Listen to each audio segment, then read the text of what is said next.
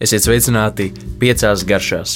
Ar jums kopā ir atkal Rītors Toms Logins, un šodien mēs runāsim par uh, otru pasaules dārgāko garšvielu, un uh, domāju, ka vispasaules mīlētāko garšvielu, un tā ir vaniļa. Mēs šodien runāsim par vaniļu, bet uh, nejauksim to ar vaniļas garšu, vai vanilīnu, vai vaniļas garšas pastiprinātājiem. Mēs šodien runāsim par um, to oriģinālo, īsto un, un, manuprāt, arī viskvalitatīvāko vaniļas garšas avotu, un tā ir vaniļas pārksts, uh, kas arī dod to uh, visu, visu mūsu mīlēto garšu. Uh, un runāsim gan par to, kā to izmantot desertos, uh, gan arī to, kā ir. Kā šī garšviela ir lieliski izmantojama arī sāļos ēdienos.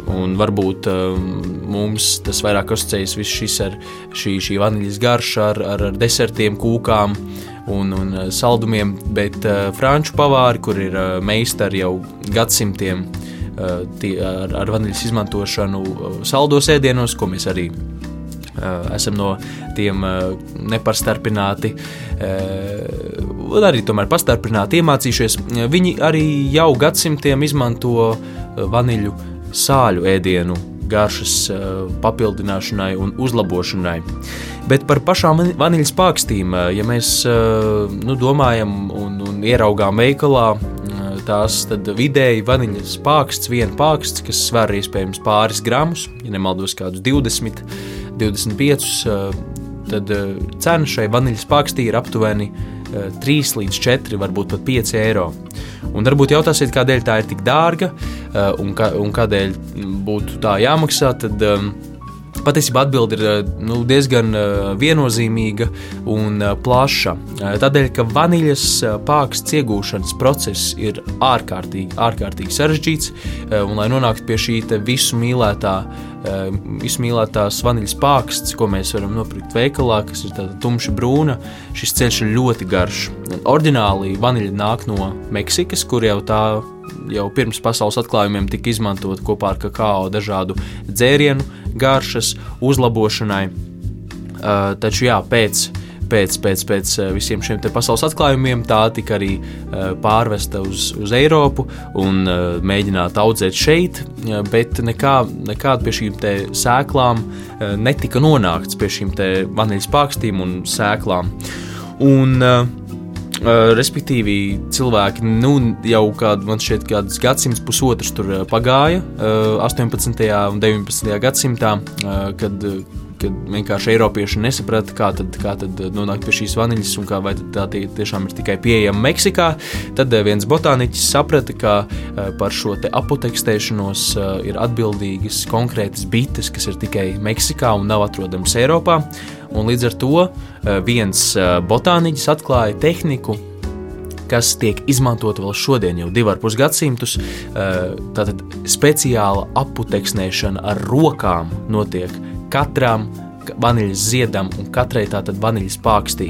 Tātad katra vaniļa, vaniļas pārksts ir ar rokām aputeksnēta.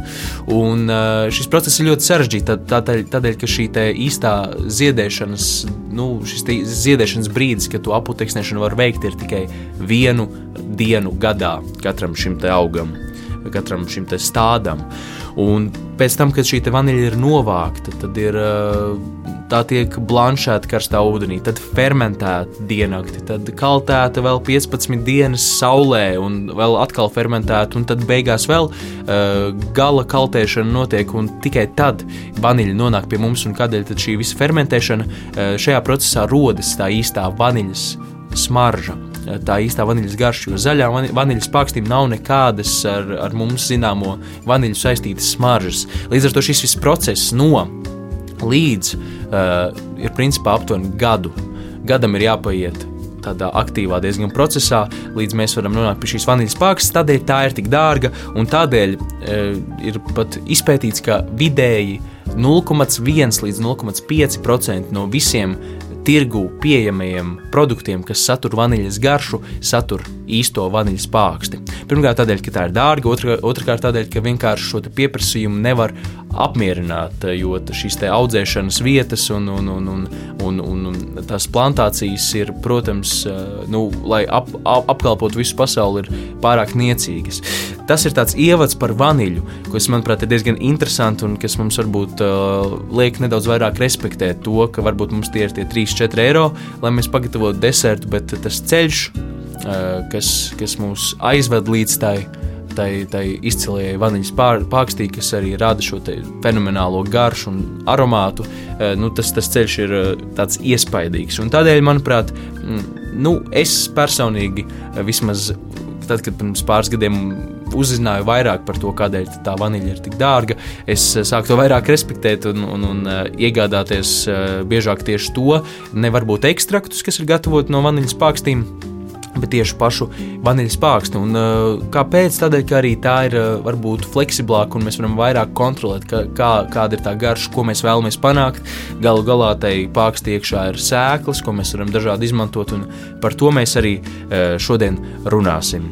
Nu, pirmkārt, tāds visvienkāršākais veids, ko mēs varam iesākt ar vaniļas pāraksti, ir it īpaši gadījumos, ja mēs esam izmantojuši vaniļas pārakstu sēklas, kas ir atrodamas iekšā vaniļas pārakstī, kuru pārgriezt pagriežot uz pusēm, mēs varam izkasīt ārā tādu, tādu pastu, tādu nelielu, tādu, jā, tādu, tādus mazus graudiņus, mitrus. Um, tad mēs paliekam šim te uh, pākstīm, un tās mēs varam ielikt iekšā cukurtraukā. Iemaisīt iekšā cukurā, uzlikt vāku, atstāt uz pāris nedēļām, un būs ļoti intensīvs, patīkams, spēcīgs vaniļas, dabiskais vaniļas cukurs. Jo vanilīns, kas varbūt arī asociējas ar uh, nu, senāku laiku uh, virtuvi. Tepat mūsu, zemē, mūsu zemītē tad, vanilīns tiek gatavots no aptuveni 250 dažādiem ķīmiskiem komponentiem, gan ķīmiskiem, gan dabiskiem. Tur ir gan koku mizas, gan tonkas pupiņas, gan uh, agrāk arī uh, pašā sākumā, kad tika attīstīta šī, te, šī te ķimikālā garšviela, tad uh, tika pat izmēģināti cūku fekālijas, kas uh, arī kaut kādu kaut kādu tur attiecīgi pārstrādes procesā radījuši garšu, bet nu, šobrīd tas gala produkts, šis vanilīns, kas manuprāt ir nu, varbūt 15-20% no tās spēka, aromāta un, un plašuma, kas ir vaniļas, īstajā vaniļā, nu, tas satur 250 komponentus, tā skaitā dažādus ķīmiskas vielas, kas, nu, manuprāt, nav tas, tas, tas īstākais un tas Uh, nu, jā, jūs jau paši saprotat. Nu, lūk, un šis vaniļas cukurs, ko mēs pa paši varam pagatavot, uh, ir arī pirmkārt lētāks nekā īstais vaniļas cukurs, ko mēs varam iegādāties. Gan arī to mēs varam tiešām izmantot dažādos um, konditorijas izstrādājumos, cepot kūkas, cepot dažādus sacepumus, plātsmaizes. Tā vaniļas garša būs šeit jūtama un, un patīkama. Un, protams, tas, tas primārākais veids, kā to izmantot, ir dažādos veidos iekļaut desertos. Un, tad tas šīs pašas vaniļas pāraksts izmantošana, tad mums ir nepieciešams piesūcināt kaut ko, kas satur taukus. Vai tas ir sviests, arī piens der, eļļa Eh, jebka, jebkura sastāvdaļa, kur mēs izmantosim šajā cepšanā, tas bieži vien var būt sviests. Mēs varam to piesūcināt ar šo vaniļas pārakstu, pārgriezt uz pusēm, izkasīt sēklas, un gan sēklas, un gan vaniļas pāraksti, likt šajā pienā vai arī saldajā krējumā, sviestā, eļļā. Un, eh, un, un tādā veidā mēs varam eh, jā, piesūcināt, un kas ir svarīgi vaniļai, to nevajag uzvārīt. Ja mēs taisām šo sviestu vai pienu vai saldo krējumu, mēs sildām līdz pirmajam burbulim, principā jau liekam augstā šajā produktā šo vaniļu. Uh, un uzsildām līdz pirmajam burbulim, ņemam nost un ļaujam vairākas stundas, vēlams pat visu nakti iesūkties. Varam ielikt leduskapī, jo tiešām uzvārot, pazūd daļa šo smalko aromātu, kas arī ir tā, nu, tā lielā vērtība vispār vaniļas pakstī. Nu, lūk, un tālāk mēs varam šo sviestu, pienu, eh, eļļu pievienot šajos konditorijas izstrādājumos, krēmos. Varam pagatavot īstās vaniļas mērķis, kas ir vispār nesalīdzināma ar, ar kaut kādu vanilīna uh, produktu vai kādiem pulverīšiem, kas ir nopērkami. Varam pagatavot pudiņus. Nu, tur tiešām iespēja ir daudz un dikti. Varam arī paši izmēģināt pagatavot vaniļas saldējumu, kas arī ir izdarāms bez. Uh, jebkāda saldējuma aparāta. Tad tur nedaudz ir, protams, vajadzīgs ieguldīties, bet jebkurā gadījumā mēs varam panākt šo spēcīgo vaniļas garšu, kas, protams, komplementēs un, un radīs daudz, daudz spēcīgākus tās kopējās garšas. Nu, lūk, un es pieminēju arī vaniļas eļļu, kas varbūt izklausīsies nedaudz dīvaini. Tomēr, manuprāt, tā ir tā nu, labākā atslēga, kā mēs varam mēģināt iekļaut vaniļu sāļos ēdienos. Un eh, tā pagatavošana vaniļas eļļai ir ļoti līdzīga, kā mēs, eh, kā es tikko stāstīju par sviestu vai par, par pienu. Tad mēs vienkārši uzkarsējam, neuzvārot eh, eļļu kopā ar vaniļas pāri un ļaujam iesūkties. Un tad varam nokāst, varam nekāst, turēt kādā pudelītē kaut kur virtuvē, un mums ir pieejama šī eļļa. Un kur tad to varam izmantot, ja jūs vaicāsiet? Pirmkārt, mēs varam pagatavot dažādas salātu mērces, varam piemēram, pastas ēdieniem, uh, iemaisīt eļļu, lai, tas, lai, lai teiksim, šie te makaroni nesalīp, bet reizē radīt, radīt arī garšu. Pesto vietā to var izmantot. Ir, jā, tad šī eļļa, ko mēs varam arī, kurā mēs varam pamērcēt maizi.